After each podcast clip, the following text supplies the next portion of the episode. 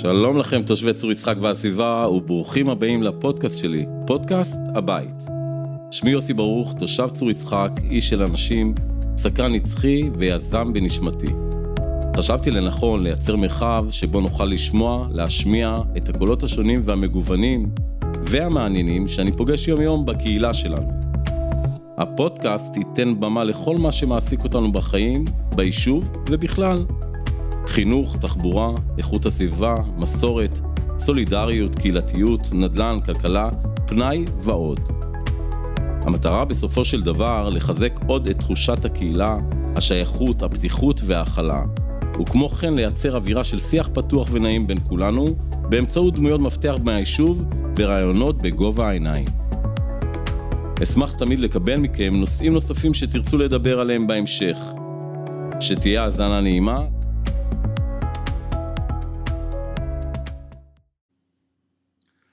ברוכים הבאים מאזינות ומאזינים, הפעם אני נרגש במיוחד לארח את מי שהייתה עד לא מזמן המנהלת שלי. גם שלי, הלוא היא מנהלת בית הספר על שם יצחק נבון בצור יצחק, שרון בראונשטיין. ברוכה הבאה שרון לפודקאסט, פודקאסט הבית. איזה כיף ותודה להיות פה. על ההיענות לבוא בתקופה כל כך מורכבת ולשוחח איתנו. כיף להיות פה, באמת. ומרגש גם. איזה יופי. אפתח ברשותך בכמה עובדות שיציגו אותך לקהל המאזינים. ילידת הוד השרון, בת 52, אימא לארבעה ילדים, רועי, שחר, איילה ומיכאלה התינוקת. נשואה לאריאל ומתגוררת בצור יגאל. כן, השכנה ממול. שרון, איזה תלמידה היית? לא משהו. הייתי תלמידה מאוד בינונית. אה, בית ספר אה, עבר עליי עם כזה קצת מיסוך. אה, לא פשוט. אה, שוב, לא סבלתי. היו לי חברים, אני הסתדרתי, הכל היה בסדר, אבל אה, 70-80 כזה. אה, ואימא שלי אף פעם גם לא שאפה לשום דבר מיוחד, הייתה מורה, והיא לא הטרידה אותנו, לא אותי ולא את אף אחד מהאחים שלי, שצריך להיות מצטיינים או מצליחים או משהו, אבל לסיים את בית ספר. כי היו לי כמה רגעים בחטיבה, בתיכון, שאמרתי, די, אין לי כוח כבר וזהו, נמאס. אז היא אמרה, תסיימי את בית ספר, תלך לתעודת בגרות, אחר כך תעשי מה שאת רוצה. אה, די מדהים הדבר הזה. שהוא היה לי מאוד טוב והיה מאוד נחמד, אבל כשיצאתי מבית ספר הפכתי להיות מאוד אה, עם אמביציה, להצליח. לא אה, דווקא בלימודים, אבל בכלל. כן, להגיע לאן שאני מגיעה, לעשות את הכי טוב, להיות הכי טובה, להראות שאני משמעותית.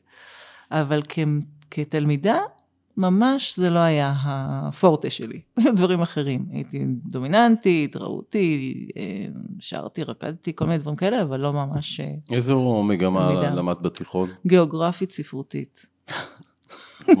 בשביל לסיים בקיצור את הבגרות, שתהיה לי בגרות. אבל אה, תראה, אז הכרתי את המורה שלי, אה, מורה להיסטוריה. אה, הייתה מאוד משמעותית עבורי. אז תשתפי אותנו, מה היה? מה דמות שמה? אה, מה שמה? ריבוש גרוס. היא עדיין, אה, היא עדיין חיה, היא גרה בהוד השרון, היא הייתה אחר כך מנהלת בית ספר שעבדתי בו. אה, היא, היא הייתה, היא, קודם כל הייתה נורא מעניינת, ואני התאהבתי בהיסטוריה. דרך אגב, היסטוריה אהבתי גם בכיתה ו', הייתה לי עוד מורה מפחידה, פחד מוות, קראו לה נטע, אני לא יודעת את השם הפרטי, אה, המשפחה. אה, אבל גם הייתה מורה נורא מעניינת, ואהבתי מאוד היסטוריה, וזה הלך איתי, בחטיבה קצת פחות, ואחר כך אה, בתיכון, הכרתי אותה. והיא פתחה בפניי את התחום, ובאמת היא הייתה כמו, היא הייתה מספרת לנו כאילו סיפור שאין לו, אין לו אח ורע. כיף היה להיות בשיעורים שלה, והכל היה מאוד מרגש ומאוד דרמטי. והיינו בקשר מאוד מאוד טוב גם אחרי זה. אה, ובזכותה בעצם הלכתי ללמוד היסטוריה וחינוך באוניברסיטה. אה, יפה. לא עשיתי אה, תעודת הוראה, ממש אה, רק למדתי היסטוריה וחינוך. אמרתי, שיהיה. כי כל חיי אמא שלי אמרה לי, אל תהיי מורה. אז אמרתי, אוקיי, רק היסטוריה וחינוך אני רוצה ללמוד, אבל להיות מורה אני לא אהיה. זהו, זה מה שהיה, כתלמידה. ולמדת במוסינזון? לימדתי במוסנזון. דרך אגב, המורה שלי, שהרצתי אותה, היא הייתה גרה בהוד השרון ולימדה אותנו באוסטרובסקי ברעננה, למדתי במגמה הביולוגית, קראו לה נאוה פולק, אישה שממש, אה, שהייתה דמות, הרצנו אותה, הייתה מאוד משמעותית עבורי. אז היא באה מהוד השרון או לא? כן, היא, היא גרה בהוד השרון והייתה מלמדת בתיכון באוסטרובסקי, הייתה מורה מיתולוגית, היו כמה מורים מיתולוגיים בתקופה שלנו, לגמרי. אני חושבת שבכלל, אני חושבת, אני רוצה לקוות, ואני חושבת שזה אחד הדברים שאני שמה לעצמי כמטרה, וגם לצוות שלי, אמרתי, שיזכרו אתכם, כשיעזבו פה, שיזכרו אתכם. אה, שתהיו בלתי נשכחים. אה, אני חושבת שאין ילד שאין לו מישהו שהוא, שהוא ממש, כאילו, אה, לכל ילד יש את מישהו אה, אה, בלתי נשכח עבורו. גם היום, גם היום יש מורים שהם מרשימים מאוד. היום הכל קצת אחר מבחינת ההתייחסות שלנו בכלל להערצה ולכל מיני דברים כאלה. אבל אני ממש מרגישה שרק לא מזמן נפטרה מורה מה, מהמחזור, אני למשל לא זוכרת אותה מאוד, אני מכירה את השם, קוראים לה אורנה גל, היא נפטרה גם, יחסית לא, לא מבוגרת, והיו אה, בפייסבוק של, של המחזור שלי, וזה הערצה מטורפת אליה, איזה בן אדם היא הייתה. אז אני חושבת שאנשים שמבינים שזה התחום שלהם, והם שמים את היד שלהם מאוד משמעותי עבור הילדים, אה, הם אנשים בלתי נשכחים ואנשים משמעותיים, וזה כיף. אין ספק שמורה משמעותי, ואם אנחנו תומר נמצא פה לידי, אז אני, מהחוויה שלי כשהוא היה תלמיד, תמיד זה היה ככה. כשהמורים היו משמעותיים עבורו, הציונים היו גבוהים. אם המורה לא בא לו טוב בעין, או שדיבר איתו לא בשפה שתומר אהב, הוא פשוט לא היה שם. כן. היינו צריכים להשלים את כל הלימודים שלו דרך שיעורים פרטיים וכאלה. נכון.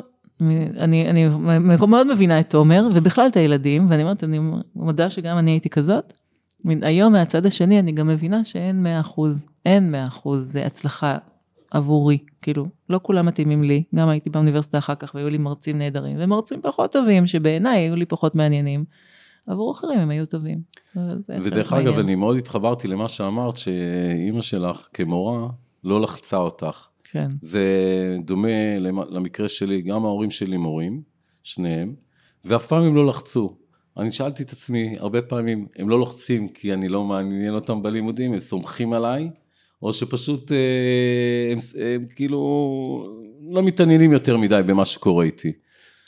אבל... אה, אני, אני שוב, אני אומרת, לא יודעת, האמת שאף פעם לא, גם לא דיברתי איתה על זה, זאת אומרת, אמרתי לה שאני יודעת שהיא אף פעם לא לחצה וזה עשה לי טוב. אני לא יודעת אם זה טוב לכולם, אני לא אומרת. אה, אבל אני כן חושבת שזה מייצר אווירה לפחות בבית, של זה לא העיקר, יש עוד דברים ואתה, אתה, אני מרגישה שההסתכלות עליי לא הייתה דרך העיניים של הלימודים. יש עוד דברים שהייתי משמעותית בהם, ונתנו לי באמת אה, לפלס את הדרך, ודרך לא תמיד הייתה קלה, אבל אני עשיתי אותה. איזה יופי. זו תחושה טובה. איזה יופי. תגידי, אז איזה מקצוע באמת אה, אהבת במיוחד, ובאיזה מקצוע התקשית? אז אמרתי, היסטוריה אהבתי הכי, ולימדתי אחר כך היסטוריה, אחר כך גם אזרחות, מאוד אהבתי. אה, מתמטיקה היה לי תמיד קשה. הנה, בהבדל ממך, שזה התחום שלך. אה, אנגלית לא היה לי קל, לא היה לי קל, לא היה לי קל בכלום. אה, גם אפילו בשפה היו לי תמיד שגיאות כתיב. אני אומר, היום הרבה פעמים אני נכנסת לכיתות, אני אומרת להם, אם יש שגיאה, תגידו לי, אל תשאירו אותי שמה. היום אני קוראת, אני מודעת, אני חוזרת ובודקת אם יש לי איזושהי מילה שאני לא סגורה עליה. אבל כילדה, אני זוכרת, אפילו בתיכון, אה, היו לי מורים שהיו כותבים לי אה, מקרא בצד, אומרים לי, תחזרי על, המיל... על המילים האלה, כי כתבת לא נכון. היום, באמת, היום אה, אני רואה את זה אצל ילדים, ואני ככה מתחברת אליהם מהמקום הזה, כמה זה קשה. שזה לא הולך בקלות. אני, מסתכלת ב... בהערצה לילדים שכותבים בלי שגיאות כתיב, הכל ברור, כתב יפה, כתב שלי עד היום הוא כמו של דוקטור, שלא מבינים כלום. אמ, אני דרך אגב, כשילדים היו שוגים וכותבים לא נכון, לא הייתי מעיר להם. כאילו... כן, זה עניין של גישה. כן, לפעמים ההערה לוקחת אותם למקום פחות טוב. כן. אז זה, זה זורם, מה שנקרא. אני, אני, שוב, אני לא בטוחה שלא צריך להעיר, צריך להעיר במידה. אם יש מלא שגיאות כתיב, אז לא צריך את הכל להעיר. צריך כן. לקחת את המילים האלה שהן משמעותיות, ושמה לתקן. אני כן חושבת שיש לזה משמעות. יש משמעות גם לריכוז שלך, למה אתה נכון. התפקסת למשהו. אה, מתייחסים לזה. עכשיו, אין ספק, יש לזה גם לקות, ויש הכל, כל מיני כן. גישות, אבל אני, אה, אני, את זה הבאתי גם, את זה, את התפיסה הזאת אני מביאה. אני לא אה, גוזרת או, או לא מעריכה לא ילד ולא בן אדם ולא בגלל הלימודים שלו, בגלל ההצלחה האקדמית שלו. כן. יש הרבה דברים נוספים שאני יכולה לראות שהם יכולים ל, לרגש אותי ולהיות משמעותיים, משמעותיים עבורי, עבורי. אני חושבת שלימודים זה רק חלק, וזה חלק חשוב. אני רוצה להשאיר את, ה, את הנפש, את הרוח, את, ה, אה, אה, את המחשבה שלי בידע. אני חושבת שזה ממלא אותנו, וזה עושה אותנו אנשים הרבה יותר מעניינים, אם אנחנו יודעים דברים. אבל אה, בין זה לבין רק למידה סזיפית כזו או אחרת, בן אדם שמעניין אותו, הולך ולומד. אז תגידי לי עכשיו משהו. המאזינות והמאזינים לא מקשיבים לנו. העתקת במבחנים? לא חושב, לא, כמעט ולא. זה, כי בגלל שזה לא היה כזה חשוב. ואף אחד לא, לא שפט אותך. לא היסטרי, אז פחות העתקתי. אה, שוב, בטוח אה, פה ושם, אני לא חושבת שלא היה לי מעידות במקומות האלה. נדמה לי שפעם אחת אפילו הייתה לי איזה מורה שהפנתה את תשומת ליבי, היא אומרת לי, עזבי, עזבי, היא לא יודעת יותר טוב, נדמה לי, אם אני לא טועה, כשהסתכלתי נגיד הצידה. אבל בגדול, בגדול זה לא היה האירוע שאני מתעסקת בו. כן. היו דברים אחרים. ולהיות מורה זה היה החלום שלך? ממש לא. לא היה? לא, לא, גם. זה טעות. אמרתי עכשיו משהו לא נכון. בגיל 16 אמרתי שאני רוצה להיות מורה. וזה, ואז אמרתי לך, אמא שלי אמרה לי, רק לא מורה, וי, זה מקצוע נורא קשה, ו- ולא מתגמל, ולא מעריכים, ומאוד דומה למה שאומרים היום. ממש. אה, כן. ואז בעצם עשיתי, כאילו, ניסיתי לנתב את החיים שלי אחרת, והלכתי להיות... אחרי הצבא, הייתי בצבא מדריכת שריון גם כן, זה היה ממש בהפתעה, אה, לא תכננתי גם. היה לך כיף? היו רגעים כיפים, היו רגעים פחות, הצבא כן. יש לו את הקשיים שלו מבחינתי, אבל בגדול זה הייתה, זה, שוב, זה היה מאוד אה, אה, מרשים בצבא להיות אז מדריכת שריון, והייתי אה, רצינית. בתפקיד, כן, בתפקיד שהתייחסו אליו בכבוד, זה היה לפני אה, אליס מילר עם הטיסות, כן. אה, אבל אה, זה מקומות שהבנות היו יכולות להיות משמעותיות, אז הייתי. ואז עזבתי את ה... כאילו סיימתי את הצבא, והתחלתי לעבוד בטלוויזיה, די מהר, בערוץ הילדים. אה, יפה. כן. עבדתי ב, לא בפרונט, אלא בעזרה למנהל תוכניות. תומר הופיע פעמיים בערוץ הילדים. בבקשה. לא לגלות. אה, אז זהו, אז, אה, אז הייתי שם אחראית על הלוח שידורים, על, אה, על הפרומואים, על כל מיני דברים. עבדתי שם חמש שנים, אחר כך עברתי לערוץ הופ. היה מעניין? ב... היה מעניין? זה היה מאוד מעניין, אבל עבורי זה היה פחות מתאים. אני לא, אני לא אוהבת את התחום של, אני, זה, זה לא מעניין אותי להתערבב עם כאלה או אחרים. זה לא היה, הייתה לי כל הזמן תחושה שאני לא מתעסקת בדבר הנכון, זה רק חיצוני, זה באמת אה, לדבר אל, אבל אין לי עם מי לדבר, כאילו מישהו לא מחזיר לי. אה, וזה כבר היה לי באיזשהו שלב אה, פחות מתאים. זה תחום עם הרבה מאוד יחצנות, הרבה מאוד החוצה, ולי זה היה פחות נוח. ולאט לאט ככה חיפשתי את דרכי, והתחתנתי, ונולדה לי גם בת, וככה שאלתי את עצמי מה אני רוצה לעשות כשאני אהיה גדולה. לקח לי זמן, אה, עשיתי כל מיני דברים בדרך, אבל בסוף, בסוף, בסוף, אה, אותה מורה מיתולוגית פגשה אותי ואמרה לי, בואי, בואי אליי, אני רוצה שתהיי פה, תהיי מחנכת אצלי. זה קרה בספונטניות שפגשת אותה? זה היה, ש... אנחנו כל הזמן היינו בקשר, ושיתפתי אותה שאני מתלבטת בזה, ואז היא אמרה לי, אני צריכה אותך, בואי, את צריכה להיות מורה, את, זה שאת אה, דחית את זה עד גיל 32 או 34. אז התחלת ממש מאוחר. התחלתי מאוחר. התחלתי מאוחר. הגעת מהר? אה, הגעתי, כן, של... אבל זהו, תראה, כשכבר עשיתי את השינוי, אמרתי, אני הולכת אה, עד, עד הסוף. הסוף. זה, ידעתי שאני הולכת לניהול. אז קודם אה, פשוט באת ללמד בבית ספר, עוד לפני שהיה לך תעודת הוראה? לא, לא. ואז אה, עשיתי תעודת הוראה תוך, כאילו ממש בשנה שאני כבר לא זוכרת אם זה היה, הייתי אה, בהיריון או משהו כזה, עשיתי תעודת הוראה, וכמו שסיימתי את התעודת, את התעודת הוראה, היא קיבלה אותי לעבודה. איזה יופי. ובאמת... אה, אז המור... לימדת ב... עם המורה המיתולוגית שלך. כן, כן, כן, לגמרי, לגמרי. איזה יופי. אה, אחר כך היא עזבה, והיינו עם מנהלת אחרת וכולי. עשר שנים הייתי מורה. אחרי חמש שנים הלכתי כבר ל... לעשות תואר, תואר שני במנהל מערכות חינוך, וזהו, זה בעצם יפה, הדרך. עצם זה שהייתי איתה, זה עזר לך כאילו להתאקלם ולאהוב את מה שאת עושה? זה עזר. לך? אני חושבת, קודם כל, יהיה מאוד, אה, זה מאוד כיף לבוא למקום שמראש מעריכים אותך, אתה לא צריך להוכיח. יודעים נכון, שאתה טוב, נכון. ומעריכים ומכירים, זה מאוד כיף. אה, ומהר מאוד באמת גם התקדמתי, הייתי רכזת שכבה וקיבלתי תפקידים, אבל... אה, אז כן, אבל אני מניחה שהייתי מסתדרת גם אם הייתי מחליטה ללכת למקום אחר, רק לא, לא בטוח שהייתי מחליטה את זה. כאילו, אני חושבת שהדחיפה שלה עודדה אותי לבוא ולעשות, אף על פי שאני אומרת שברגע שכן החלטתי, אמרתי, אני הולכת אה, לניהול בטוח, זה לא, אני לא מספיק, לא מספיק לי. אז בנית לעצמך את המסלול כן. כבר בהתחלה. כן. וכיוונת לשם. לגמרי. איזה יופי, מקסים. תקשיבי, אני מבין שאת, uh, תחילת דרכך במערכת החינוך, התחלת כמורה להיסטוריה, כן? בתור שכזו, יש לי שאלה שמאוד מעניינת אותי, ועד עכשיו לא היה לי את מי לשאול. אז קודם כל, טוב שבאת, שיש לי אפשרות לשאול את השאלה. תיזהר שאני... לא, לא שאלה קשה. לא שאלה אבל קשה. תגידי לי, איך לדעתך תיזכר תקופת הקורונה בהיסטוריה האנושית? Mm. קצת כמו עוד גם מגפות שונות ומשונות שהיו ב... בהיסטוריה. היא תיזכר כמגפה, והיא תיזכר עם ההשלכות שלה, כשגם נדע מה ההשלכות, זה, זה קצת יהיה בעוד זמן.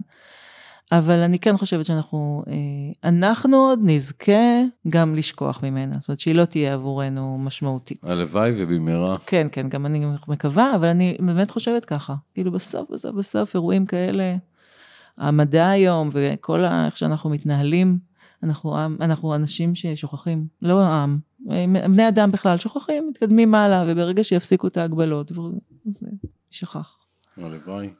אז אם אנחנו כבר מדברים על הקורונה, איך את וצוות המורים מתמודדים כבר שנתיים עם מצב של חוסר ודאות, חולי, בידודים, בדיקות, סגרים, חרדות בקרב הילדים, רגרסיות, זו הרי משימה בלתי אפשרית. מה לדעתך צריך לעשות? מה, איך אה, מתמודדים עם זה? באמת, אני, אני, אני, כמי שחווה את זה, מה צריכים לעשות בשביל אה, להתמודד עם זה, עם כל הדברים האלה שמניתי?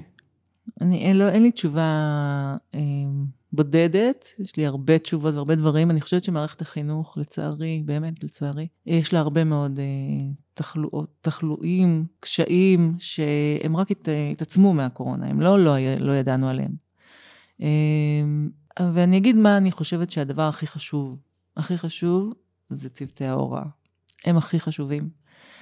אה, שלא יכעס, שלא הורה, כאילו יש לי ילדים והם חשובים לי מאוד. אבל קודם כל, שצוותי ההוראה יהיו במקום הטוב שלהם, במקום המיטבי שלהם, במקום המצמיח שלהם, במקום האיכותי שלהם. ואני חושבת שהדבר הזה, אה, אנחנו מתקשים איתו. אנחנו מתקשים בלהבין אה, את המשמעות של העבודה הזאת, כמה היא קשה, כמה היא שואבת אה, אנרגיות. אני לא יודעת אם מישהו מבין מה זה להיות חמש שעות ביום, שעה אחרי שעה אחרי שעה, עם 30 ילדים בכיתה. בלי קורונה. קורונה זה תוספת, אבל גם בלי קורונה זה מאוד מאוד מאוד קשה, נפשית, אנרגטית. יש מלא אירועים הזמן, כל הזמן. אתה כל הזמן צריך להיות באמת בערנות. בערנות וב... מלאה, מלאה, מלאה לכל רגישות, לכל דבר, ל-30 ילדים. זה לא משהו ש... אנחנו בבית לפעמים מתעייפים ואומרים, די כבר, די, תנו לנו מנוחה. אני כל כך מסכים איתך בקטע הזה, אני יכול להגיד לך, כשאני לימדתי, ואני בן אדם ש... עובד קשה, אני אוהב את העבודה ואני עובד קשה מאוד. כשהייתי מגיע אחרי יום בבית ספר, בפעמים, בחודש, חודשיים הראשונים, הייתי נשפך בספה, אני אף פעם לא ישן צהריים, ולא יכלתי להרים את עצמי. פשוט נשכבתי בספה ונרדמתי. אז אני כל כך מתחבר למה שאת אומרת בקטע הזה, ש... נכון.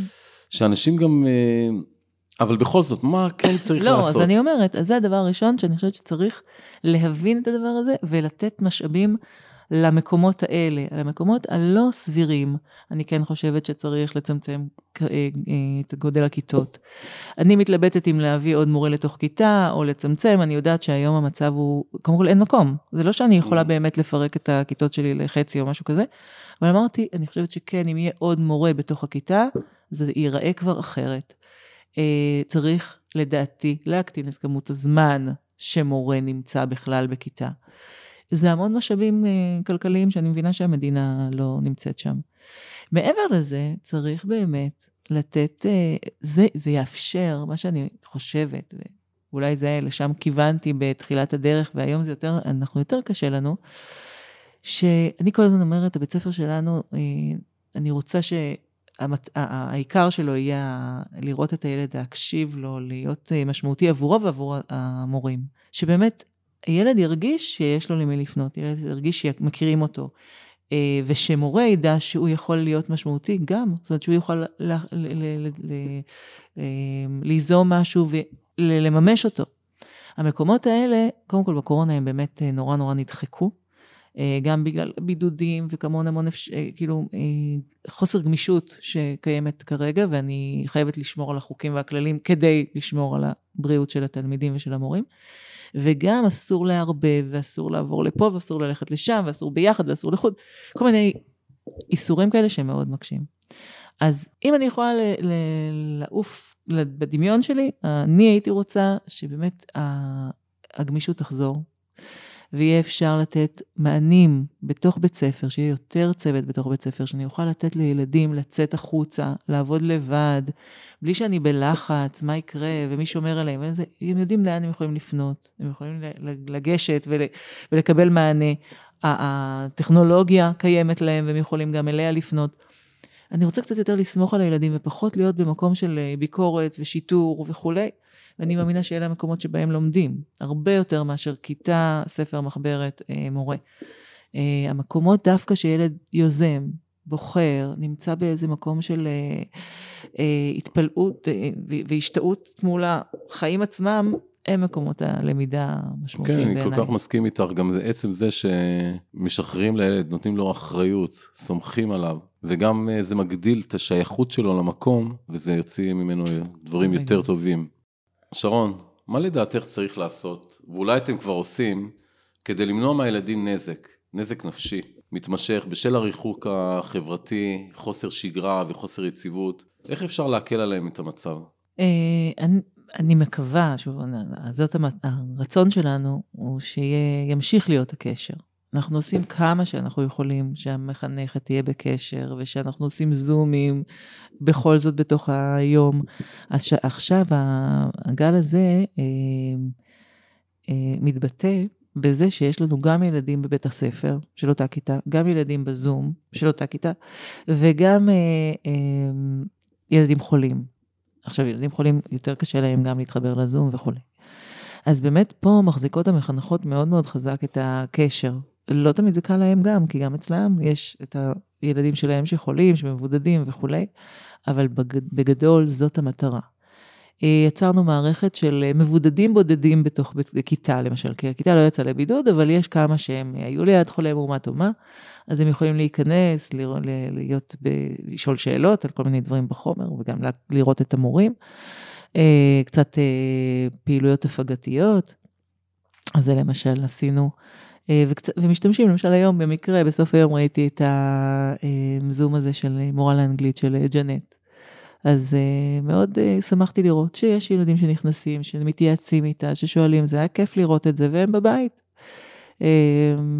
אז זה דבר ראשון שעשינו. אחר כך אנחנו עושים, בדרך כלל אנחנו השתדלנו עד עכשיו, עד שמסתיים העניין של הבידודים, לעשות זומים לפחות אחד או שניים ביום לאלה שבבית, ולייצר איתם קשר. אמ, אנחנו באמת עושים מלא פעילויות חברתיות, כשאנחנו חוזרים לכיתה, הנושא החברתי הוא הרבה יותר משמעותי עכשיו, בכלל לא מתקדמים, לפחות לפי פגשתי, לא מתקדמים בחומר, מבססים חומר. עדיף לי שהם ידעו יותר טוב עכשיו אה, לוח הכפל, מאשר עכשיו אה, כן. יתקדמו, כי אנחנו באמת כל פעם מישהו אחר נמצא או לא נמצא בבית ספר. אה, אנחנו נותנים הרבה מענים אה, נקודתיים לילדים. כשאנחנו רואים ילד שעכשיו נמצא באיזושהי מצוקה, אנחנו נותנים לו את המענה. גם אה, של הדמויות הקבועות בבית ספר וגם דברים שהם לא קבועים. ואנחנו עכשיו קיבלנו כל מיני אה, תקציבים נוספים ממערכת החינוך, וגם לפני זה תמיד נתנו כל מיני קבוצות חברתיות, פעילויות אה, העצמה. אנחנו משתדלים כל הזמן להתעסק בזה, באמת להחזיר את הילדים לש, לשגרה, לאיזושהי שגרה. אה, אני אגיד שזה הרבה גם תלוי מה קורה בבית, כמה הבית אה, מצליח לחיות בתוך המשת... הטירוף הזה, שהוא טירוף, אין בכלל שאלה, כולנו נמצאים בתוך טירוף. אה, ואם אה, לבית יותר קשה, אז גם לילד יותר קשה, וזה בסדר גמור, אז אה, עדיף שיתוף פעולה, לשתף את הצוות, לשתף את המחנכת, ולראות איך ביחד אפשר לתת מענה לילד ספציפי, כי לא תמיד כל הכיתה צריכה. לפעמים זה רק ילדים בודדים. אהבתי את התשובה שלך, ובקשר לבית אין ספק שגם להורים מאוד מאוד קשה, וגם הם מתקשים ביום יום נכון. שלהם, ההיסטריה זה הלחוץ הזה, יש מרחב של לחצים נוספים שיש על ההורים.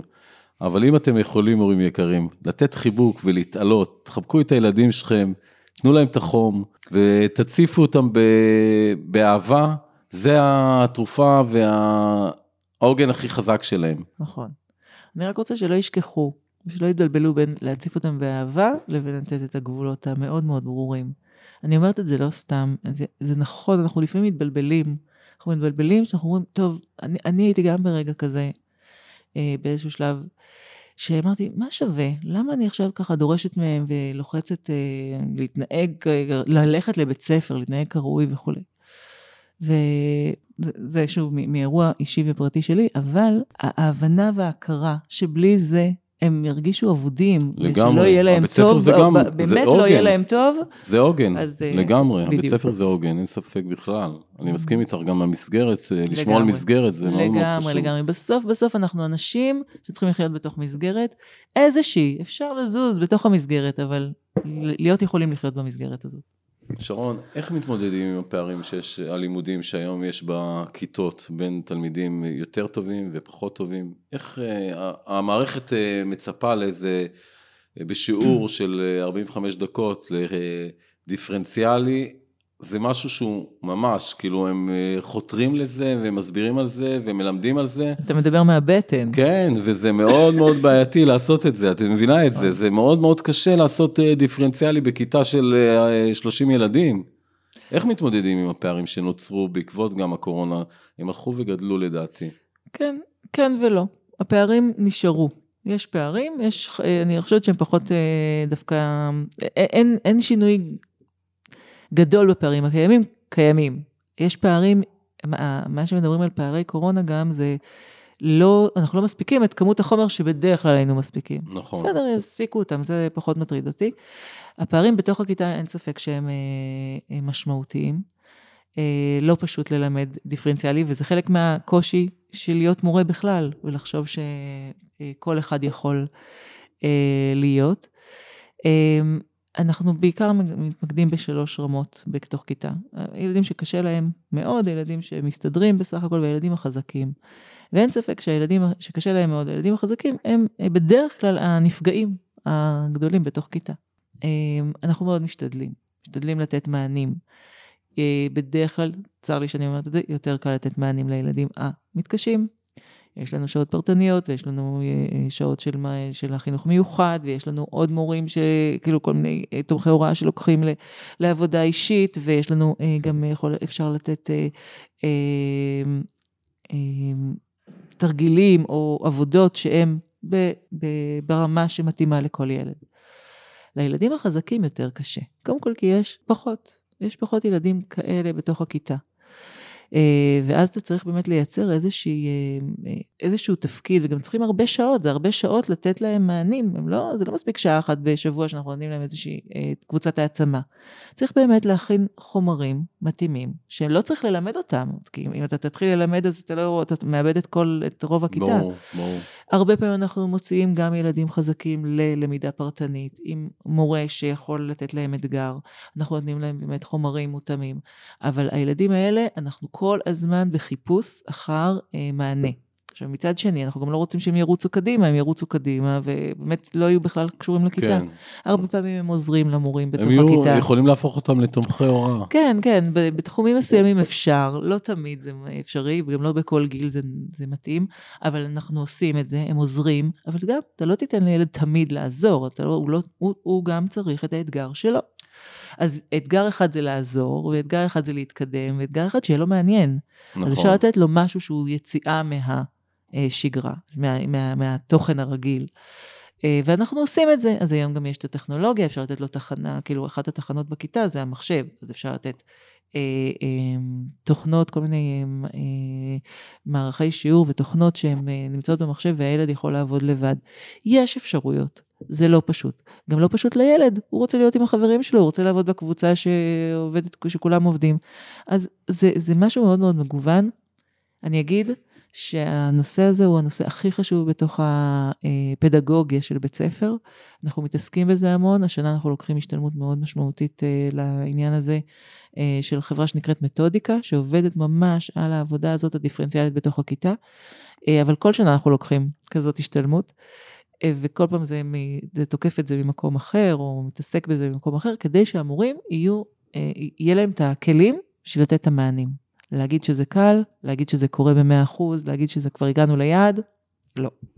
אני, עלה לי רעיון תוך כדי זה שדיברת, שאולי לקחת את החזקים מאוד, אני בטוח שזה לא מתאים לכל אחד חזק, ופשוט שהוא אה, יהיה צמוד למישהו שמתאים לו מבחינת שיח או חבר, ושהוא יהיה חונך שלו. Mm-hmm. הוא יקדם אותו בלימודים וגם הוא ירוויח מזה בקטע האישי שלו, שהוא בעצם אה, עזרה לחבר קרוב. זה, יש לזה הרבה משמעותיות, נכון. אה, משמעויות אה, נוספות. אצל הבן שלי, בבית ספר הדמוקרטי בכפר סבא. איזה בית ספר זה? רציתי שתומר יהיה שם דרך אגב, אבל לא, לא התאפשר, לא התאפשר, פשוט קשה. צריך להירשם כמה שנים מראש. לא, גם עכשיו כשנקראים, אי אפשר. אנחנו... זה רק כאלה ש... אנחנו זכינו. גם זה עובר בירושה, כאילו, זה כמו, את יודעת, היום דרך אגב, זה גם נכון, זה מה שבעצם קרה אצלנו. במקרה הצליח לנו, במקרה, ברגע של פוקס. אני יכולה תכף לספר. אבל um, הוא, הוא לומד שם, והוא לומד במגמת סייבר, הוא כרגע בכיתה י'. את כיתה י' מלמדים אותו, סייבר, החבר'ה של י"ב. איזה יופי. זה הקונספט. הם מלמדים אותם את כל החומר וכולי, זה חלק מהעבודה של, כאילו העבודת גמר שלהם, זה ממש ממש מקסים. ושוב, בגילאים האלה זה ממש עובד גם טוב, כי יש מוטיבציה פנימית, הם בחרו וכולי. כן. אה, זה, זה אפשרי, לא כל ילד יכול בגילאים שלנו. גם הקונספט של הבית ספר הדמוקרטי, כן. הוא מביא ילדים כאלה שהם אה, יותר יכולים להתחבר לדבר הזה. זה התפיסה, שיתוף, זה לאורך, ד... זה דרך שעושים. הדדית. נכון, זה דרך שהם עושים, זה לא מיידית. תגידי, שרון, איך הגעת אה, לתפקיד הנוכחי של מנהלת בית הספר? איך הגעת לזה? לזה? כן. אמ, אז כמו שאמרתי, לפני ככה וככה שנים הפכתי להיות מורה, ואז באמת אחרי שלוש שנים או ארבע שנים אפשר, היה אפשר כבר ללכת לתואר שני בניהול מערכות חינוך, וזה מה שעשיתי. סיימתי וככה סימנתי לי שאני מסיימת את המחזור, אה, אה, ריכזתי שכבה, אני אסיים את המחזור ואני אלך למכרזי ניהול. והתחילו כבר גם לפנות אליי, הפיקוח וכולי. אמ, מה שקרה שלצערי הרב, לפני שמונה שנים אה, הבת שלי חלתה. אנחנו נדבר על זה אחרי זה, כן. אבל זה קשור כן. קצת. היא חלתה אה, בסרטן, ונדבר על זה אחרי זה, ואז יצאתי ככה לחופש, וחזרתי לשנה אחת, וקצת אמרתי לעצמי, אולי אני דוחה את ההחלטה הזאת, או את מה שבחרתי. אה, ללכת לניהול. אה, ואז אה, פנו אליי מהבית ספר הדמוקרטי בהוד השרון. אמרו לי שהמנהלת צריכה יוצאת לשנת שבתון, והם מחפשים מנהלת. והייתי ככה ממש בשנה, אחת, בשנה אחרי ש, ששי נפטרה. והתלבטתי ממש. אמרו לי, אבל את צריכה לבוא כי את מכירה את הבית ספר, את, את התפיסה, את, הבת שלך למדה בבית ספר הדמוקרטי, הם ידעו, הם הכירו. תבואי, אנחנו צריכים אותך, ממש אין לנו ברירה, אנחנו חייבים וזה, ככה די עודדו אותי למקום הזה, ובאמת הלכתי. וואו, מדהים. כן, אה, ועשיתי אה, שנה אה, מאוד מיוחדת, מאוד משמעותית. בדמוקרטי בהוד השרון, מאוד אחר מהדמוקרטי בכפר סבא, וכל פעם הייתי אומרת, איך זה יכול להיות שיש בתי ספר דמוקרטיים והם אחרים? עד ש... זאת אומרת, לא, מדי מהר הבנתי. שהיתרון או הש... המשמע... הח... הדבר האחר המיוחד בבית ספר דמוקרטי זה שקודם כל הם בתי... בדרך כלל בתי ספר קטנים, לא גדולים. הבית ספר הדמוקרטי בכפר סבא הוא 400 תלמידים מא' עד י"ב, ועכשיו הם מוסיפים גן, אז זה עוד 30 ילדים. אמ, הבית ספר בהוד השרון גם היה של 400 ילדים, אבל עד ט'. וואו. כן, אה, עכשיו הם גדלים קצת יותר. אבל מה קורה שם? בימי שישי, בבית ספר בהוד השרון, מתכנס פרלמנט. הפרלמנט הוא של כל התלמידים וההורים. כולם באים ומעלים כל מיני סוגיות לדיון. מראש, שבוע שלם, אה, מכינים את הסוגיות, מעדכנים את הקהילה מה הסוגיות, והם באים.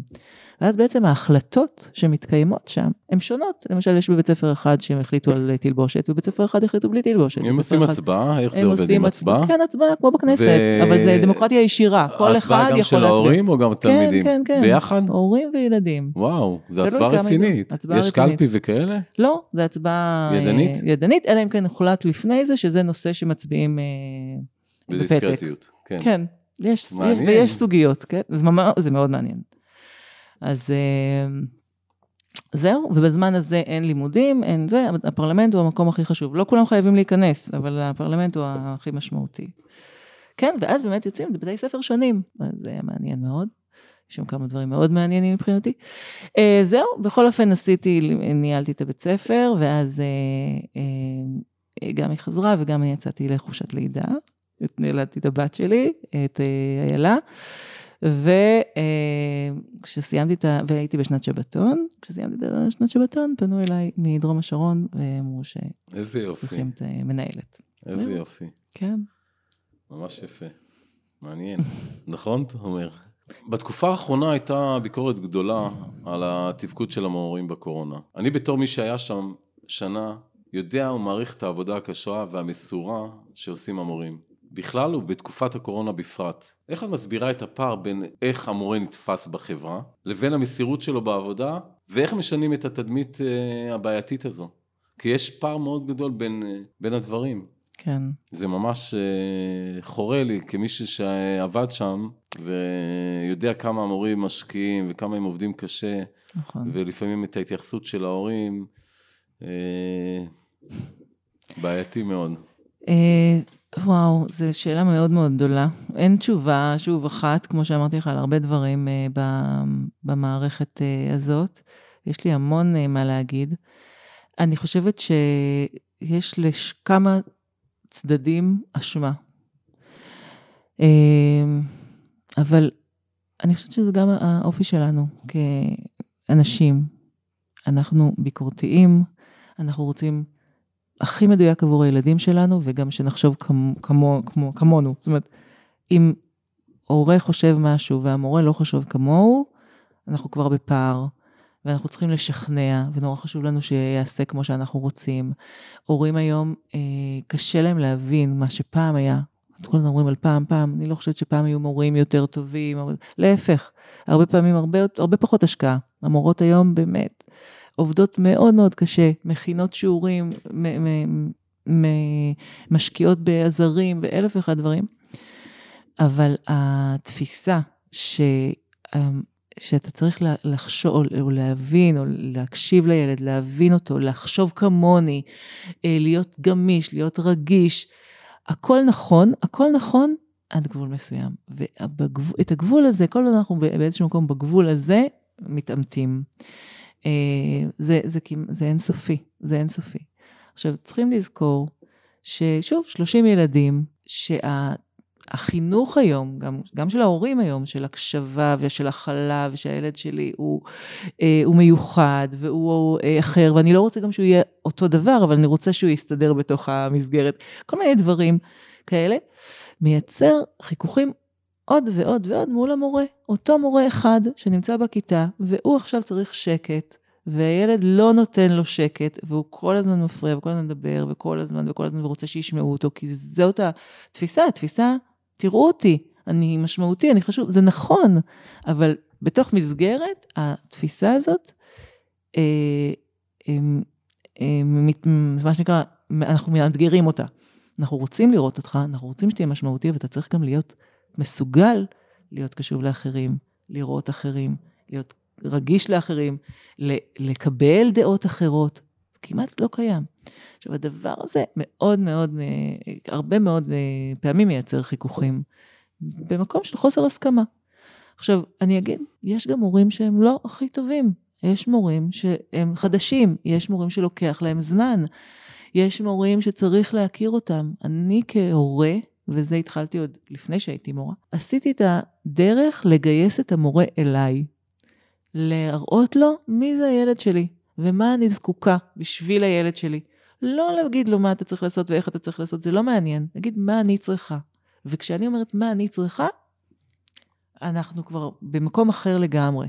עכשיו, המורה יכול להגיד לי, אני לא יכול לעשות את כל מה שאת רוצה, אבל אני יכול ללכת אלייך צעד, שניים, כן. ואז אנחנו מייצרים דיאלוג פורה יותר. הביקורת באה גם מהנושא של הזומים, המחשבה, וזו ביקורת שמאוד קשה לי איתה.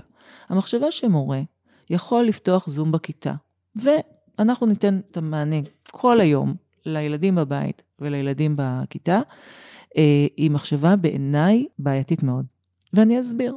שיעור בזום לא דומה לשיעור בכיתה. לגמרי, אי אפשר נכון, להשוות. אין מה להשוות. אי אפשר להשוות. בוודאי. מורה בכיתה עומד או עובד עם הילדים בכיתה, וכשהוא צריך לעבוד מול המצלמה, זה לא אותו דבר. אז, אז קודם כל, לפתוח סתם מצלמה בשביל לראות מה שקרה ולצלם את המורה כמו שהוא, זה לא מתאים. מה גם שכן, קורים אירועים בתוך הכיתה. אירועים לא תמיד שאתה רוצה שכל אה, אחד יהיה חשוף אליהם. לא ברמת ה... אה, לא... אה, אה, התנהגות לא, לא יפה, אבל כל מיני דברים, אני מדבר רגע עם הילד, אני לא רוצה שישמעו כל דבר שאני אומר לו, אני באה אליו, וכשזה מצלמה ומיקרופון, ו, וגם uh, הכל נכנס לתוך הבית.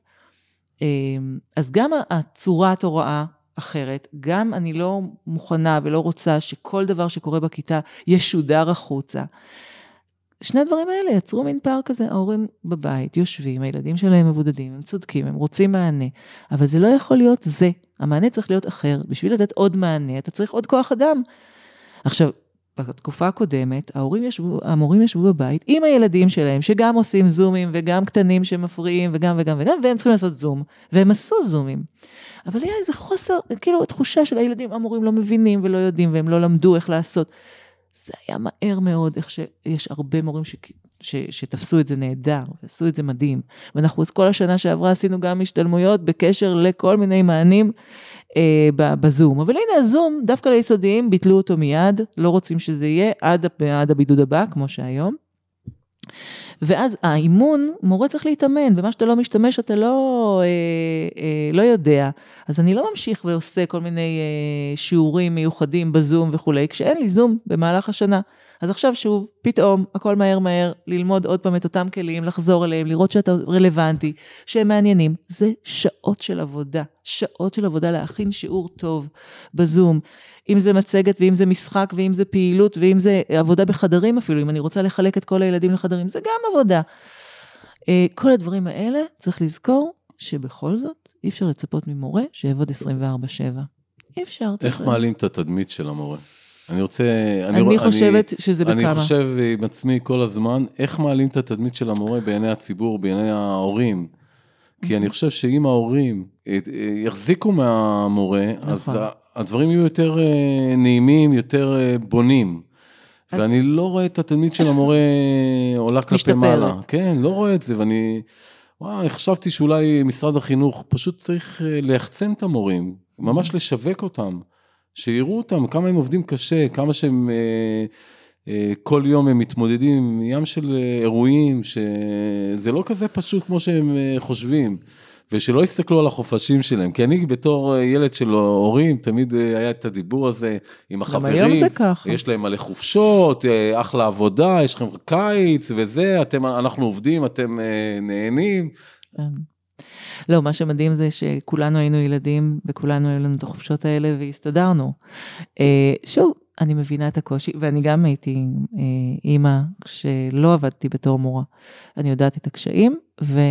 אבל בלי החופשות, באמת, בלי החופשות, זו עובדה, בכל העולם זה. אנחנו רואים את זה, בלי החופשות לא היו לנו בכלל מורים. נכון.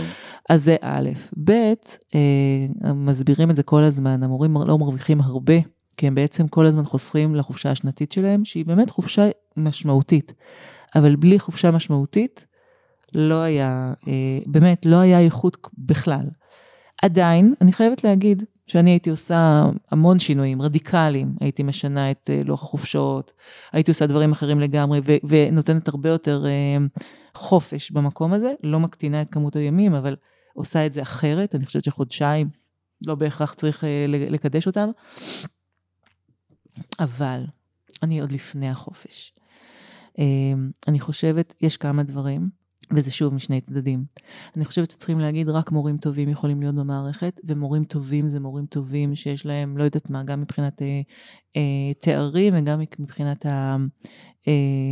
היכולות, אה, אה, מבחינת הוראה מול כיתה, מבחינת באמת היכרות עם, אה, עם התוכנות הדיגיטליות. הכל צריך להיות פיקס ברגע שאתה מתחיל להיות מורה, וזה לא קורה, אני אומרת את זה בוודאות, זה לא קורה. רוב המורים מגיעים בעצם ולומדים את, ה, את העבודה בשטח. אני חושבת שהמכללות צריכות להשתנות היום. היה צריכים מיד להגיד, יום בשבוע לומדים, ארבעה ימים בשבוע נמצאים בבתי הספר. זאת הלמידה הכי טובה, נמצאים בבית הספר. וכן, צריך לגמור עם תואר שני, תעודת הוראה. מי שלא שם, לא.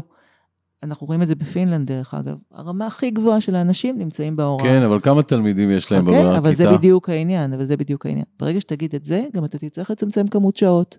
תצטרך להגיד, סליחה, אין לי מורה טוב, אני לא מלמד. אני לא מלמד כי אני חייב ללמד עכשיו. אני מלמד כשיש לי באמת את המורים הכי טובים ואת האנשים הכי טובים במערכת. אז אני אספר לך, סליחה לא, שאני... רגע, כן, אני, אני אשמע, אני רק זה, אני אגיד, ואני, ושחלילה לא יישמע מזה, יש לי מורים נהדרים בצוות, נהדרים, נהדרים, נהדרים, אבל מראש אנחנו רוצים לראות את זה אחרת. יש מקצועות שכרגע יש בהם מחסור אדיר של מורים, אין בהם מורים. זה רגע להגיד, אנחנו בתקופת, אה, אה, ברגע של אה, משבר, לא חייבים ללמד את המקצוע אם אין לך מורה טוב. ועכשיו משרד החינוך, תעשה את הדברים שאתה צריך לעשות בשביל שיהיו לי מורים. אתה רוצה לשלם להם יותר, תשלם להם יותר. אתה רוצה להדריך אותם יותר, תדריך אותם יותר. לא מעניין אותי, אני מקבלת ממך את המורים שהם הכי טובים, שאתה כבר בדקת וראית שהם מורים טובים. להעמיד אותי במקום הזה ועוד מאות מנהלים. שמדריכים ומלמדים ועוד פעם ועוד פעם, ובאמת, הם צריכים לקושש מורים, זה מצב נורא. עכשיו, אני כל הזמן חשבתי שכשיהיה מחסור במורים, זה יעלה את רמת ההוראה. זה לא מה שקורה. זה לא מה שקורה. אנחנו, היום, בשביל למלא את המכסה של השעות, אני יכולה להביא מורים מכל, לא משנה מי, רק שיהיה לי מורה בתוך הכיתה. זה האסון שלנו. ואני אגיד ואחזור מורה, ואומר, כל ההורים שלי יודעים את זה, ההורים של בית ספר, חייבים לעבור לחמישה ימים לימודים בשבוע, מראשון עד חמישי. יום שישי הוא יום שלא צריך להיות של בית ספר, הוא צריך להיות של. מסגרות אחרות שאותי לא, כרגע לא מעניינות. לתת למורים כבוד, זה גם לא להתייחס אליהם כאל בייביסיטר. ומה שקורה בימי שישי, זה הבייביסיטר של המדינה. בעיניי זה נורא. אני חייב לשתף אותך בסיפור אישי, ואני מקווה שהבת שלי, נועם, לא תכעס עליי שאני משתף. נועם היא היא תלמידה מצטיינת הייתה, תמיד כל דבר שהיא עשתה, היא עשתה בהצטיינות. לפני שהיא בחרה מה ללמוד, היו לה את כל האפשרויות פתוחות בפניה. ואז היא אמרה לי, אבי, אני מתלבטת בין משפטים להוראה. אמרתי לה, תלכי עם הלב שלך. מה שמרגיש לך, תהיי קשובה לעצמך ותלכי עם מה שמתאים לך. היא בחרה להיות מורה לחינוך מיוחד בירוקה, בכפר סבא, ואחרי כמה שנים שהיא עושה את עבודתה בהצטיינות, באמת, אה, אוהבים אותה מאוד, היא מאוד מקובלת, קיבלה כבר בגיל מאוד צעיר תפקידים אה, אה, שקשורים להנהלה של הבית ספר. היא באה ואומרת לי, אבא, כל החברים שלי מרוויחים עשרות אלפי שקלים בהייטק, ואני פה עם משכורת של שש וחצי, שבע, איך אני מתקדמת מכאן? אני, הדיסוננס הזה בין האהבה של מה שאני עושה, לבין ההכנסות במקצוע שאני יכולה לעשות אותו גם, הוא מאוד גדול. והפער הזה, אני לא יכולה, אני כל הזמן מבולבלת. וזה, ברגע שאני מבולבלת, אני כבר, אה, נכנסות לי מחשבות אחרות, אני לא יכולה להביא את עצמי 100% כמו בשנה שעברה. ואני מנסה להתגבר על זה ולא לא מצליחה. כל הזמן המחשבה הזו נמצאת בראש שלה. אז איך, מה את חושבת לגבי המשכורות של המורים? זה, זה, זה אחד מהדברים, אני חושבת שהוא מאוד מאוד משמעותי. אין ספק, זה חלק מהבעיה. זה חלק מהבעיה. הבעיה היא שזה זה סקטור מאוד גדול. כל עלייה, העלאה של שקל מעלה בהרבה מאוד את התקציב של המדינה, אבל פשוט צריך לשנות את הסדר עדיפויות ומה עושים בתוך המערכת. פחות ביקורת, פחות פיקוח, פחות, ולתת משכורות למורים, חד משמעית. ושוב, אני מזכירה, למורים, כן הייתי מתגמלת מורים. מורים טובים מתגמלת אותם, לא בשישה אחוז על גמול תפקיד. תחשבו, שישה אחוז מששת אלפים שקל. מה זה? נכון, זה, שום, זה כלום ושום דבר. זה אפילו לא, זה, זה, זה יותר מזה, זה, זה, זה אפילו לא אה, אה, 600 שקל, כן? כי הם אומרים על 10 אחוז. אין 10 אחוז אפילו בתוך הדבר הזה. מה זה? 600 שקל. זה לא 600 שקל. ולכן אני אומרת, ברור שהמשכורות הן מעליבות. מורה מתחיל זה פשוט נורא, וגם מורה של חמש-שש שנים... תשתפי אותנו, כמה מורה מתחיל אה, מקבל ביסודי? לא, אז אני אומרת, המורה מתחיל פחות, מ... לא, חמשת אלפים. כן, פחות מששת אלפים, חמשת אלפים ומשהו שקל. את מבינה עם איזה בעיה הוא חוזר מהבית ספר? ברור, ברור, ואחר כך מצפים ממנו שהוא יהיה נגיש אחר הצהריים, ושיהיה פנוי להורים, ושיהיה קשוב, ושיכין את השיעורים, וש... המון המון דברים, וזה עבודה מטורפת, זה שיעור אחרי שיעור. אני עבדתי בחטיבה. עכשיו עבדתי, לימדתי אזרחות, בסוף, כאילו בשנים האחרונות לימדתי אזרחות בשמונה כיתות. עכשיו, שמונה כיתות, תכפילו ב-40, 380 ילדים. 360, נכון? רגע, 360. תגידי את התרגיל עוד פעם, נעשה חשבון. 8 כפול 40, נכון. 320. 320, סליחה. עכשיו תמחק את זה. לא משנה, מתמטיקה אמרתי לך שזה לא הקטע. לא נורא, אם תצטרי שיעור פרטי, אני אשמח לתת לך. ברור, ברור, ברור. תקציבים גדולים עוברים אצלי ביד, אני עדיין מסתדרת. אבל לא, 320 תלמידים, תחשוב, הייתי מלמדת, מכירה, מקשיבה, קשובה להורים והכל והכל והכל. אבל היה לי שיעור אחד להכין לש... לשבוע. הייתי, שני שיעורים לשבוע. עברתי בכל הכיתות האלה ולימדתי. מורה ביסודי צריך לעבור שיעור אחרי שיעור אחרי שיעור באותה כיתה. הוא צריך להמציא את עצמו כל פעם מחדש. הוא צריך להיות משמעותי, רלוונטי, מעניין.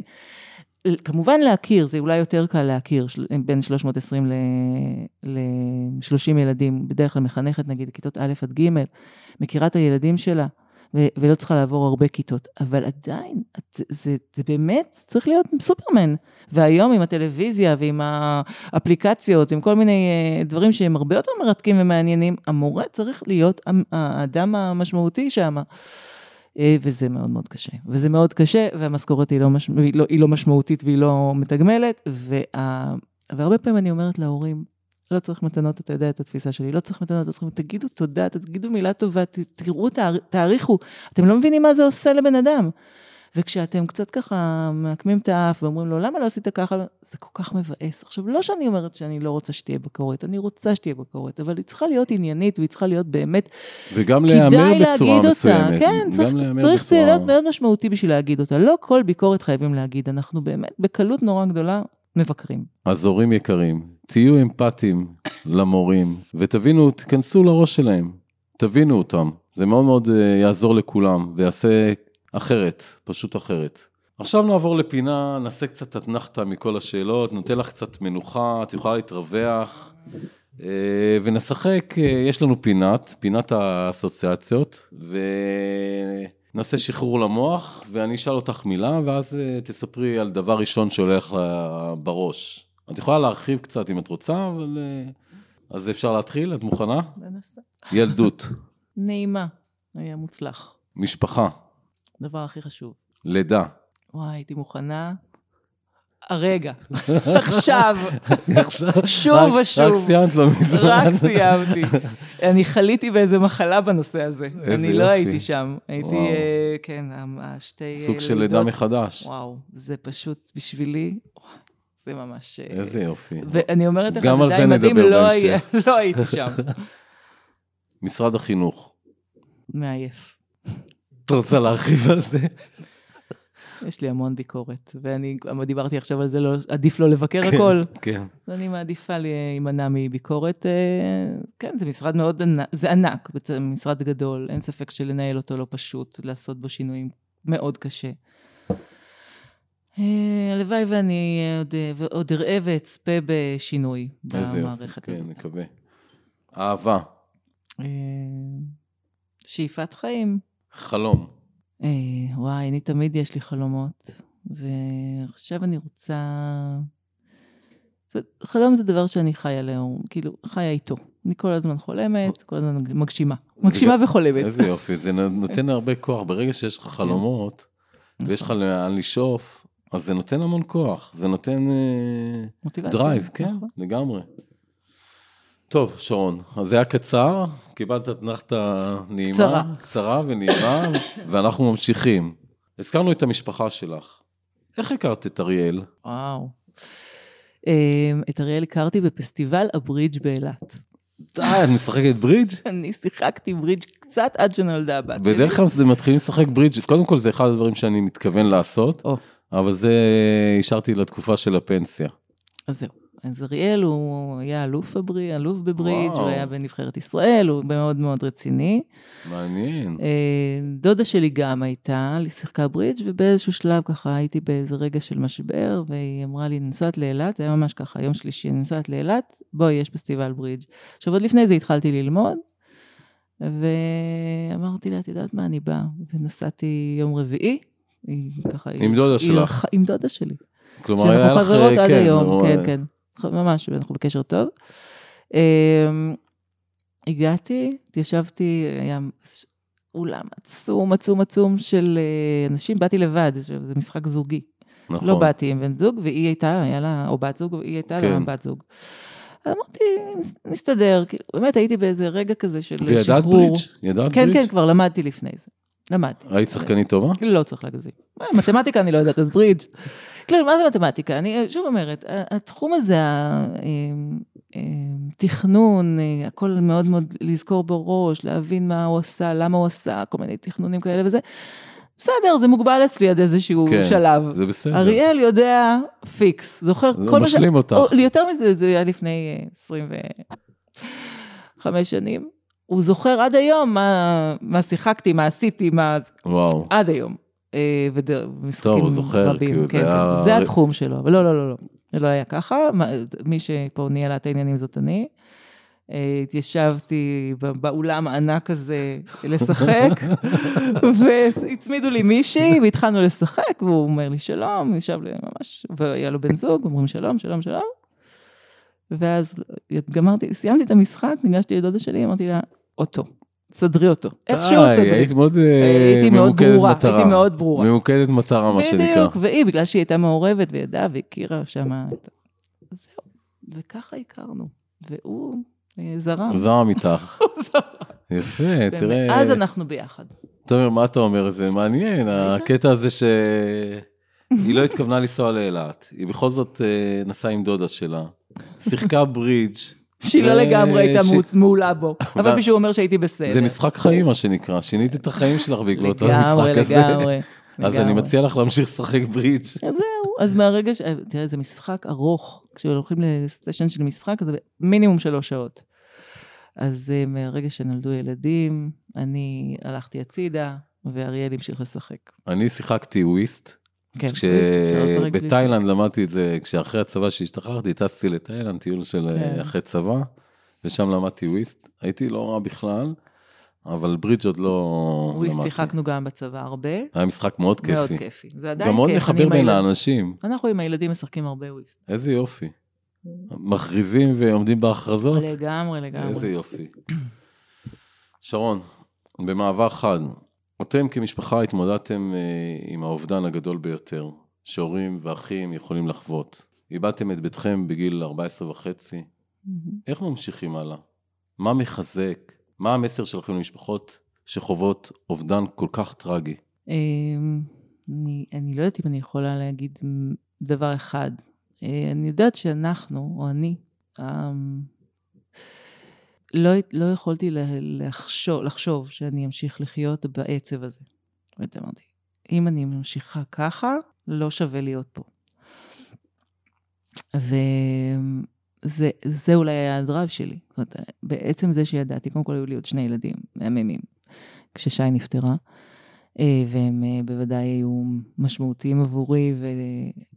ועדיין אה, אהובים עליי מאוד מאוד מאוד. אמרתי, אני לא רוצה שהם יחיו בתוך אווירה כזאת של כאב שלא נותן לנשום. עכשיו תראו, אה, תראה, הזמן גם נותן את- אותותיו בדבר הזה, בהתחלה אי אפשר לנשום. אי אפשר לנשום. פשוט אתה לא מצליח, אתה לא מצליח ללכת, ל- לראות, אתה פותח את העיניים, רואה את הגשם המהמם הזה שאני כל כך אוהבת ולא מצליחה ליהנות ממנו. אה, וזה לוקח זמן, והרבה מאוד עבודה על עצמי. לא לשבת ולהיות בתוך הכאב, אלא לצאת, לטפל בעצמי. אם זה בטיפול רגשי וכולי, גם בילדים. ובאיזשהו שלב, זה, אני אגיד, זה סיפור גם מיוחד, לפחות ששווה לשמוע אותו. ששי הייתה חולה, הייתה חולה זמן קצר, שלושה וחצי חודשים. אה, באיזשהו שלב היא לקחה אותי, גם התבגרה נורא נורא מהר, והייתה מאוד אה, כמו חברה. היא אמרה לי, אמא, אני רוצה שמישהו ימלא את החלל שלי, אם אנחנו לא נצליח. ואני שמעתי את זה וכמעט מתתי. ממש הייתי ב... מה? כאילו, היא אמרה לי, אמא, אני יודעת שנצליח, אבל אם לא נצליח, אני רוצה שמישהו ימלא את החלל שלי. אמרתי לה, זה אי אפשר. אי אפשר, אף אחד לא יכול למלא את החלל שלך. אה, והיא אמרה, זה חשוב לי, ותזכרי את זה, את מה שאמרתי לך. היא אמרה עוד כמה דברים, היא אמרה לנו לתרום את הכסף שלה, היא אמרה לנו כמה דברים ככה שעשינו אה, עם האמירות האלה. היא לא כתבה, אבל היא אמרה. ובאמת מאוד מהר היא נפטרה, והייתה מחלה מאוד קשה ומהירה. אה, ו... אז, אז ההתחלה הייתה כזאת שלא, שדיברו איתי על זה, ואנשים בצד אמרו, תביאי עוד ילד, מהר, מהר, תיכנסי להיריון. אמרתי, אני לא מסוגלת לשמוע את זה אפילו, זה עצבן אותי. אמ, אבל אז ישבתי ככה עם עצמי, ואמרתי, את זוכרת מה ששי אמרה? מה התכוונה? כאילו, בואי. אה, ואז עוד לא אהבתי להיות בהיריון, בכלל. אמרתי לעצמי, איך אני אהיה בהיריון? אני שונאת את זה, איך אני לא עושה דבר שבא לי לעשות אותו? אבל לאט לאט, אה, מה שנקרא, אה, מה שנקרא, אה, התחבב, התחבב עליי המחשבה שתהיה, שיהיה תינוק בבית, שתהיה תינוקת בבית, בכלל זה היה חלום, שתהיה תינוקת. ושאני אוכל לחבק אותה. כל מה שרציתי זה לחבק תינוק. אה, וככה לאט לאט הדמיון הזה והחלום הזה נהיה יותר חזק ומציאותי, והתחלתי לשווק אותו גם לאריאל, שבהתחלה גם היה, שהתנגד בהתחלה. אמ, זהו, ובדרך כלל מה שאני, כמו שרציתי שהוא יהיה הבן זוג שלי, ככה אני מחליטה משהו זה קורה, ואני צריכה לשכנע אותו, ובאמת הצלחתי לשכנע אותו. ובגיל 46 אמ, נולדה איילה. אמ, שזה היה באמת, אה, אי אפשר לתאר, אי אפשר לתאר את האושר שנכנס לבית, מההיריון הזה ומהלידה הזאת. ההיריון היה קל, הלידה אה, בניתוח קיסרי, לא משנה, אבל אה, היה פשוט חוויה מרגשת בטירוף, גם כולם היו על עננים. זאת אומרת, כל העולם, שאני מכירה לפחות, אם זו המשפחה המורחבת, הלא מורחבת, אנשים ברחוב, הייתי הולכת ברחוב וכולם היו מנפנפים, כולם התרגשו כל כך מהלידה הזאת, שבאמת הביאה הרבה אור הביתה. אה, ו... ואת כל המיצים של האושר הוציאה חזרה. זאת אומרת, התקרת זכוכית הזאת שהייתה, הצליחה להתנפץ. עכשיו, שוב, היו המון רגעים, עדיין יש לנו רגעים של עצב וכאב, ו- ו- ומקומות שאני ככה מחפשת לעצמי מקום, ואני מדברת עם שי, ואני ככה צריכה אה, אה, להתחזק ממנה, או אה, עבורה, או עבור המשפחה. אבל בגדול, ההחלטה להביא ילד אה, לעולם עשתה את השינוי הגדול בבית. הילדים היו פשוט באיזו שמחה בלתי נשלטת. הם עזרו וטיפלו והיו, באמת, היא, היא הייתה מאוד משמעותית. וכן, וזה, אני אומרת שוב, אני חושבת שעצם זה שהיה לי ברור שככה, אני לא יכולה להמשיך, לא, לא אוכל להיות. וחיפשתי את הדרך, כל מיני, אה, היו לי כל מיני אפשרויות, אז אחת מהאפשרויות הייתה זאת. ו... זה אחד הדברים הכי כואבים להורה, מה שחוויתם כמשפחה, וגם הילדים מן הסתם אה, עברו חוויה נכון. טראומטית. ויצא לי לדבר עם כמה אנשים באמת, והחוכמה זה באמת אה, להמשיך לחיות עם הכאב, לצד הכאב שהוא יהיה לצדך. ובאמת אה, אני שמח שאת גיבורה אמיתית מבחינת זו ש... ואז בא הרעיון השני. כן, תכף, אני רק אגיד מה זה לצדך ולזה. בהתחלה זה, בת... זה לא רק ממול, זה הולך איתך, כאב הולך איתך ככה בפרצוף. את מה שהייתי הולכת, אה, מרגישה שיש לי שלט. כל הרגשתי שהכאב והאובדן, וה... אוף, זה לא נותן לך מנוח. לאט לאט זה זז, לאט לאט. זה עבודה שאתה מזיז את זה. אז אתה שם את זה בצד, אתה אומר, אני, זה לא, זה לא ילך לעולם, זה לא ישתנה, אבל זה יהיה, זה ייתן לי אפשרות לצעוד ב, בגאון במסע. אה, כן, ואז... אבל לפני שנדבר כן. על ה... על מיכאלה? על אה, מיכאלה, אה, רציתי לשאול אותך, הבנתי שאתם מצאתם דרך להנציח את שי. אבל את כן. יכולה לשתף אותנו? שי הייתה ציירת, ממש. אני לא יודעת מה היה קורה איתה בתור בוגרת, אבל היא הייתה מגיל שלוש, צעירה, יצרה, הייתה אה, ילדה מאוד יצירתית, הייתה ילדה מאוד מאוד לא, שלא היה לה פשוט, גם בעיות קשב, גם ויסות, גם אה, הרבה מאוד קשיים אה, רגשיים, והיא באמת אה, השתמשה בציור אה, כ, כפלטפורמה, גם אני חושבת טיפולית עבורה וגם לביטוי, הייתה מאוד אה, מרגשת במקום הזה, ולאורך השנים היא, היא ציירה המון, אה, המון דברים, אה, המון ציורים שלה זרקתי. כשהיא הייתה חיה, זאת אומרת, אתם מכירים את זה שמגיעים מהגן מלא ציורים וחצי אתה זורק? המון ציורים זרקתי, והיו לה ציורים מהממים, זאת אומרת, אני, זה באמת, היא מילאה דף עד, ה, עד הסוף שלו בצבעים מאוד מאוד חזקים, מאוד שמחים. יש לי כמה עוד כאלה ששמרתי ושהצלחתי עוד לייצר מהם אה, גלויות, וזה בעצם מה שעשינו. אה, היא הייתה גם בבית ספר דמוקרטי, היא זאתי שהתחילה אצלנו בבית ספר דמוקרטי, בכיתה ה', הצלחנו, היא הצליחה להיכנס, כי בבית ספר רגיל בכלל, היא לא הצליחה לשרוד. אה, הכל היה שם יותר מדי בשבילה, יותר מדי לחוץ, יותר מדי אנשים, יותר ויותר ויותר. באמת היא הצליחה. הצלחנו להעביר אותה לדמוקרטי בכפר סבא, ושם היא למדה 14 שעות אומנות. בתוך... וואו. זה המון שעות. זה, האופציה הזאת בכלל שהייתה ניתנת, למשל, אני היום נורא כואבת את זה שאין לי את האפשרות הזאת. כן. אבל um, היא למדה המון אומנות, והייתה גם בחוג uh, ציור. בקיצור, היו לנו מלא מלא מלא ציורים. יצרנו uh, מהציורים האלה, אחרי שהיא נפטרה, גלויות. Uh, לא כתבתי להם בכוונה כלום, פשוט יצרתי גלויות, שכשבאזכרות שלה ובכל רגע נתון אני מחלקת את הגלויות האלה, בעצם שאנשים יוכלו לכתוב עליהם ברכות, יוכלו להשתמש בהם, לצייר דברים עליהם. טובים. כן, שיהיה להם כיף. Um, בדרך כלל ציורים מאוד מאוד מאוד uh, משמחים, מאוד עליזים, מאוד כיפים. אז זה מה שאנחנו עושים עם הציורים שלה. והיו לה איזה מאה. וואו, כן, אוסף ממש רציני. מלא. מלא מלא. כשעוד נפטרה, עוד קיבלתי מהבית ספר הדמוקרטי את כל התיקים שלה ופתחנו, וזה היה, בהתחלה זה באמת היה נורא נורא קשה. אבל היום אני פותחת את זה בשמחה עוד פעם ועוד פעם. מדהים, מדהים. אז uh, התחלתי עם הלידה הראשונה. עכשיו ספרי לנו על, איילה. כן, על הלידה השנייה, שהייתה לא מזמן, אחרי גיל 50. כן. אה, זהו, אז אה, איזה אחרי ש... אמיצה את, יואו. אני אומרת, זה- אני בכלל לא מרגישה אמיצה, אני גם לא כל כך מרגישה בגיל שלי, אז זה קצת בעיה. אבל בהיריון טוב הזה... שכך. זה- דרך אגב, אני מאמין שאנשים, כשהם נמצאים בסביבה צעירה. הם נשארים צעירים לנצח, מה שנקרא. אז זהו, אז כנראה שהבנות שלי יצטרכו להשאיר אותי צעירה. זה אה, יקרה. נכון. זהו, אז אחרי שאיילה נולדה, אה, כמה אתם מתארים לעצמכם שאני הייתי עם... אה, ההיריון, לא היה הריון טבעי, כן? זה היה הריון עם הפריה וכולי, אז נשארו עוברים, וככה התחלתי להשתעשע ברעיון שננצל אותם. אה, וכמובן שוב אריאל היה מאוד, מאוד התנגד, אמר בשביל מה הכל טוב, אנחנו שמחים, מאושרים, אריאל יכול להתנגד עוד?" עד מחר, אבל אה, את אני- מחליטה. בדיוק. לא, אני מצליחה לשכנע. אתה אל ת... אני מצליחה לשכנע אותו בסוף.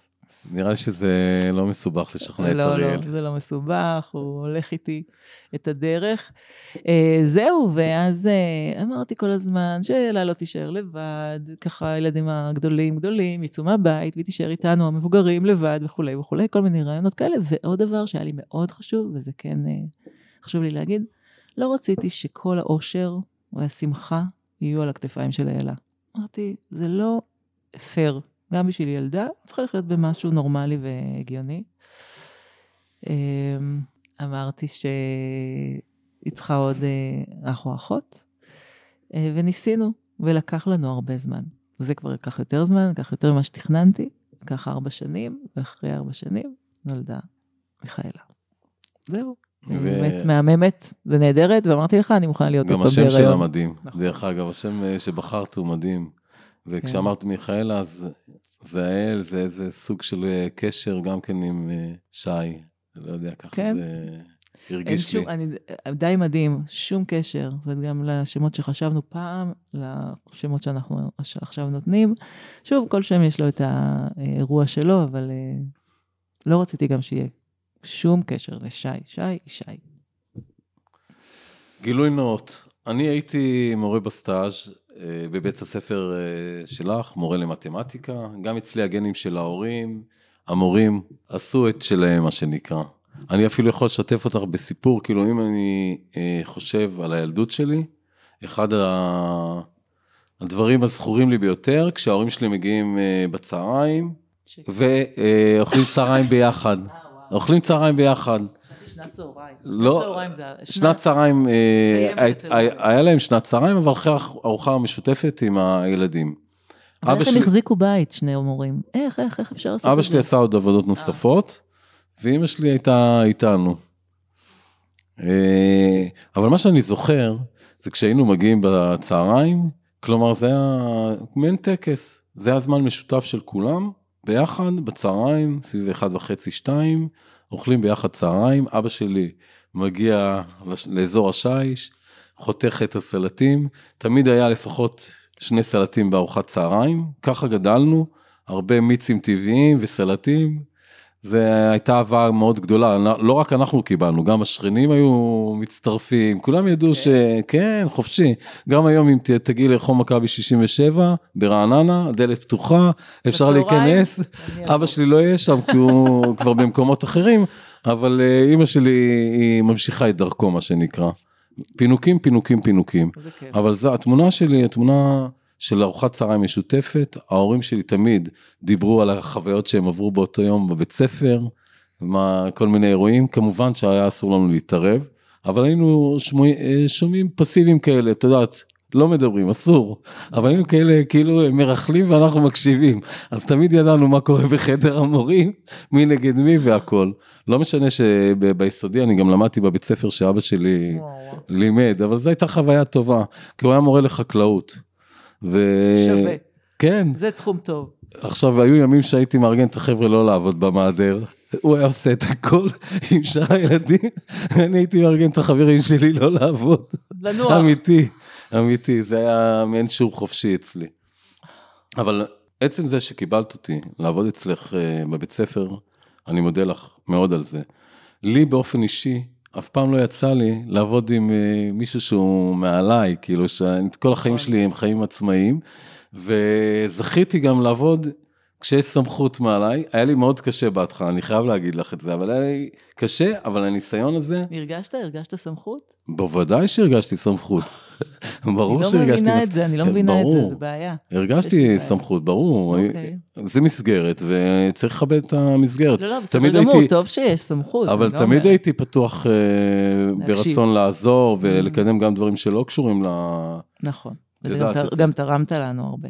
תודה. גם את הציצים בכניסה, חשוב היה לך, ובכלל הילדים מאוד אהבו. ועצם- זה תמיד בנעימות. ויש דברים, את יודעת, יש דברים שאני עושה אותם גם לילדים, אבל זה מחבר אותי לאבא שלי.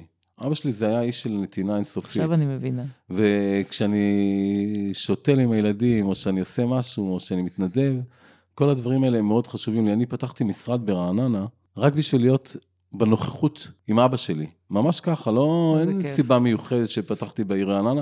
אני מאוד אוהב את העיר, נולדתי בה והכול, Mm. אבל בחרתי בעיר לגו, ל- לעשות את המשרד שלי, להתחבר לאבא שלי דרך המשרד, דרך זה שאימא שלי גרה ברעננה, דרך האנשים שכולם אה, הכירו אותו ופונים אליי ומזכירים אותו. זה משהו שאני, מאוד מוסיף לי ומאוד אה, טוב לי עם זה. כן. אז זה לגבי הסיפור האישי שלי מעולה. בקצרה. אז אני קודם כל שמחה שהייתה לך חוויה לא רעה. הייתה לי חוויה, הגשמתי חלום ילדות. לגמרי. תקשיבי, כל ה... אבל רק רציתי שתבוא עוד, לא רצית. אני יותר. רוצה לבוא, אבל בתור מתנדב לאיזה שיעור... אה, שיעור פה ושם. שיעור פה ושם אוקיי. בכיף. טוב. לקראת סיום, חכי, עוד לא סיימנו, אבל לקראת סיום. האם יש ספר, בכל זאת, את מורה ומנהלת בישראל, שהיית ממליצה למאזינים לקרוא, ולמה? אבל אל תתני לי עכשיו ספר היסטוריה.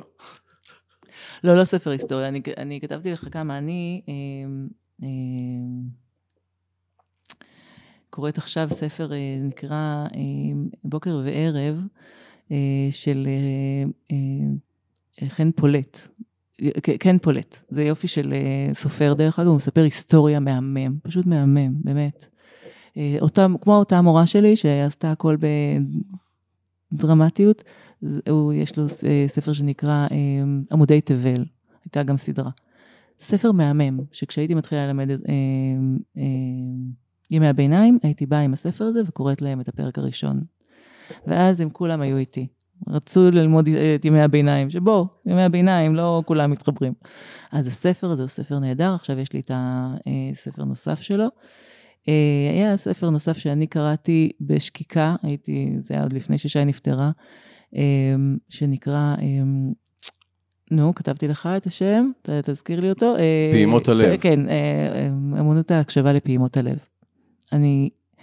התחברתי לשם. אני לא קראתי את הספר, אבל רק השם שלו הוא... אני, קודם כל, אני בטוחה שרוב המאזינים, אם שומעים את, את הפודקאסט, קראו, בטח מאזינות.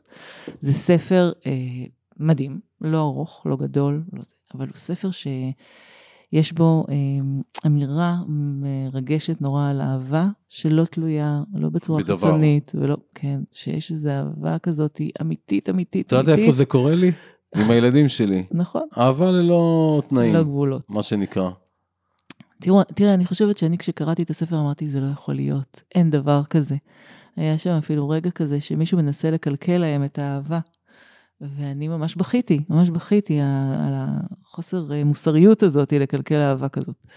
אז יש, אז זה ספר שאני הולכת איתו הרבה, והוא באמת ריגש אותי. זה ספר שאת uh, קראת אותו בשנית? Uh, הוא אצלי, אני כל פעם ככה מסתכלת עליו, אבל לא, אני לא קוראת עוד פעם ספר. אצלי יש ספרים שאני יודע שאני חוזר אליהם, כן. ויש ספרים שאני יודע שאני לא חוזר אליהם. אני לא חוזרת לספרים ממש לקרוא אותם. זה פשוט, אה, לא יודעת למה, לא.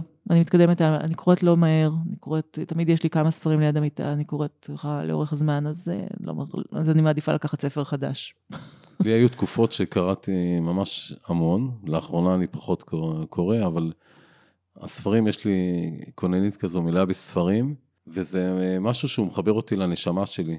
זה, כן. אני, זה, זה יותר מראית. אה, פשוט אני אוהב לראות ספרים שקראתי כן. אותם.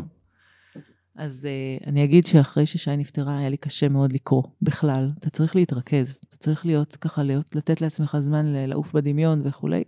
לקח לי זמן, ואני רק עכשיו מרגישה שאני מבריאה מזה, שאני מצליחה יותר לקרוא. תמיד אני קוראת, גם אז, כשלא הצלחתי, הייתי מדפדפת, אה, עוברת על הדפים, אה, קוראת עוד פעם, קוראת עוד פעם, ותמיד שומרת על הספר ליד המיטה, אבל לא הצלחתי ליהנות. עכשיו אני מתחילה לחזור. איזה יופי, שכל החיים תהני. תודה רבה.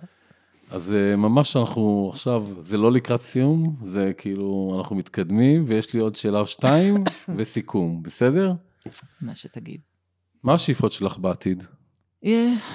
יש לי עוד כל מיני דברים בתוך המערכת החינוך שהייתי רוצה אה, לטפל בהם.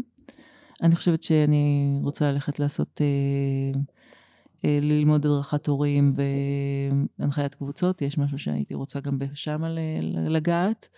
אה, יש לי, יש לי עוד, אני לא סיימתי. אבל אני רוצה מאוד מאוד ל... אני, אני, שוב, התפקיד הזה לא מאפשר הרבה זמן עם הבית והמשפחה, וזה אני צריכה לסדר. אני רוצה יותר זמן שם. מבין. לגמרי. שרון, תמליצי ל- לילדים שלך להיות מורים? בכנות. שאלה ממש טובה. לא בטוחה. לא בטוחה. אבל אני לא באחת כזאת ש... אחליט בשבילם, ובטח לא... אה, עובדה, הנה, אימא שלי לא המליצה לי, ממש לא המליצה לי, נכון, אבל הייעוד שלי זה. ומה שלאן הגעתי זה שם, היא לא, ממש, זה היה די אה, חד משמעי. היא חשבה שהיא תשפיע עליי בזה שהיא תגיד. אבל הנה, עובדה שזה לא היא שניהלה את זה. אה, והיום היא שומעת את אותם קיטורים שאני מקטרת, שהיא קיטרה.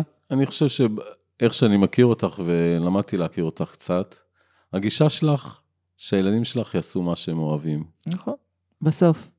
אני מאחלת להם שהם יהיו, מעבר ל... המילה הזאת מאושרים היא מילה קצת קטנה. אני רוצה שהם יהיו מאושרים כמובן, אבל אני רוצה שהם יהיו משמעותיים. אני רוצה שהם ירגישו שהם במקום הנכון, ושאני רוצה שאם הם מרגישים שהם לא במקום הנכון, הם ידעו לעשות את השינוי, וזה הכי חשוב. מקסים. טוב, תודה רבה שרון. היה לנו לעונג רב הסיפור האישי והמשפחתי שלך, מרגש ועוצמתי ברמות. את גיבורה אמיתית, למרות שאת לא חושבת ככה, נכון. אבל אני כן חושב ככה. ותודה ענקית על השיתוף. אין לי ספק שתגיעי גם בלבבות, תגעי, סליחה, תגעי גם בלבבות של כל מי שיקשיב לך ולפודקאסט. אין לי ספק שתמשיכי להוביל את בית הספר ואת התלמידים המדהימים וצוות המורים המסור להישגים טובים ומשמעותיים בעתיד. המון בהצלחה בהמשך ועשייה מבורכת, בריאות וכל טוב. תודה רבה רבה, תודה לך ותודה לכם בכלל, באמת, ואני מקווה שאם משהו אני יכולה לתרום, אז בכיף. תודה רבה. תודה לך.